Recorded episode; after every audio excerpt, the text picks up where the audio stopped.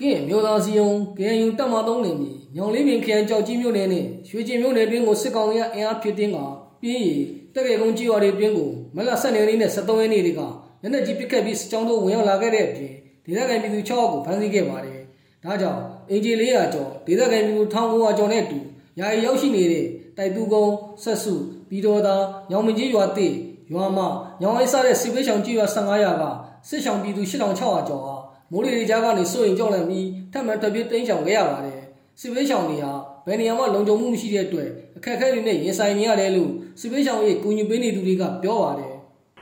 ရှိတဲ့ဒုက္ခချင်းချင်းတွေတော့အများကြီးအဲ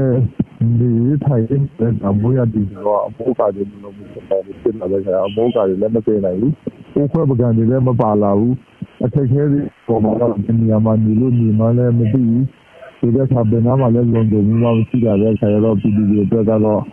အော်ဒီနေတဲ့နေရာကိုတော့အတူကြကအတိမအတိကြည့်လို့မရဘူး။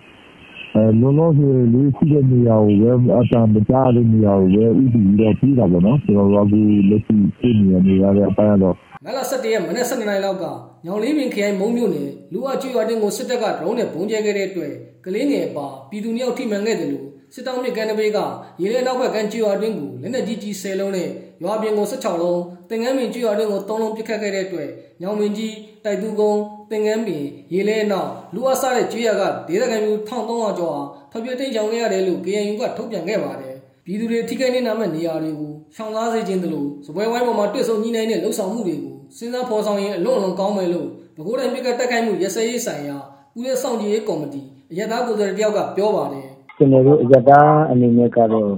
စိတ်မကောင်းပါဘူးနော် မကြမနစ်တဲ့လောက်ရဖြစ်တယ်ပေါ့ဆိုတော့လည်းသူတို့က မဟာဗီဟာနိဗ္ဗာန်ကအများကြီးရှိတဲ့အခါကျတော့ ဘယ်မဟာဗီဟာနိဗ္ဗာန်တွေနဲ့ပေါ်ဆောင်လုပ်ဆောင်ကြလဲဆိုတာတော့ မပြောတတ်ရလောက်ဖြစ်ပါတယ်ပေါ့နော် ကျွန်တော်ကတော့ ပြည်သူတွေ ထိခိုက်နေတာနဲ့အရာတွေတော့ပြင်ရှောင်ရှားဖို့ရှင်ပေါ့နော် အကောင်းဆုံး ဒီစပွဲဝိုင်းပေါ်မှာ ပြန်လို့တွေ့တဲ့ညှိနှိုင်းနေတဲ့အဲ လက်ဆောင်ချက်လေးတွေကိုစဉ်းစားဖော်ဆောင်ရင်တော့အလို့လို့ကောင်းတယ်လို့ကျွန်တော်အဲ့လိုပဲမှတ်ချက်ကြတယ်ပါစစ်ကောင်စီတပ်တွေဟာမြေပြင်တိုက်ပွဲတွေမှာထိနာတိုင်းဒေသခံပြည်သူကိုပြစ်မှတ်ထားပြီးပုံမတိုက်ခိုက်လာတဲ့အတွက်စစ်ပေးရှောင်ရေးအတွက်ဟာပုံမများပြားလာခဲ့ပါတယ်စစ်တပ်ကအာဏာသိမ်းယူပြီး2023ခုနှစ်ဖေဖော်ဝါရီလအတွင်းပြည်ပြည်မှာစစ်ပေးရှောင်ရေးအတွက်9သိန်းကျော်ထိရှိလာခဲ့ပါတယ် စစ်ပေးရှောင်တွေအတွက်အခြေခံစားသောက်ကုန်တွေပြီးအမိုးကာတွေစေဝါးတွေစတဲ့အကူအညီတွေလိုအပ်နေတယ်လို့ကင်းငင်းငင်းရေးထောက်ကူပြုကွန်ရဲ့ KPSI ကထုတ်ပြန်ထားပါတယ်ကျွန်တော်အောင်ထန်နော်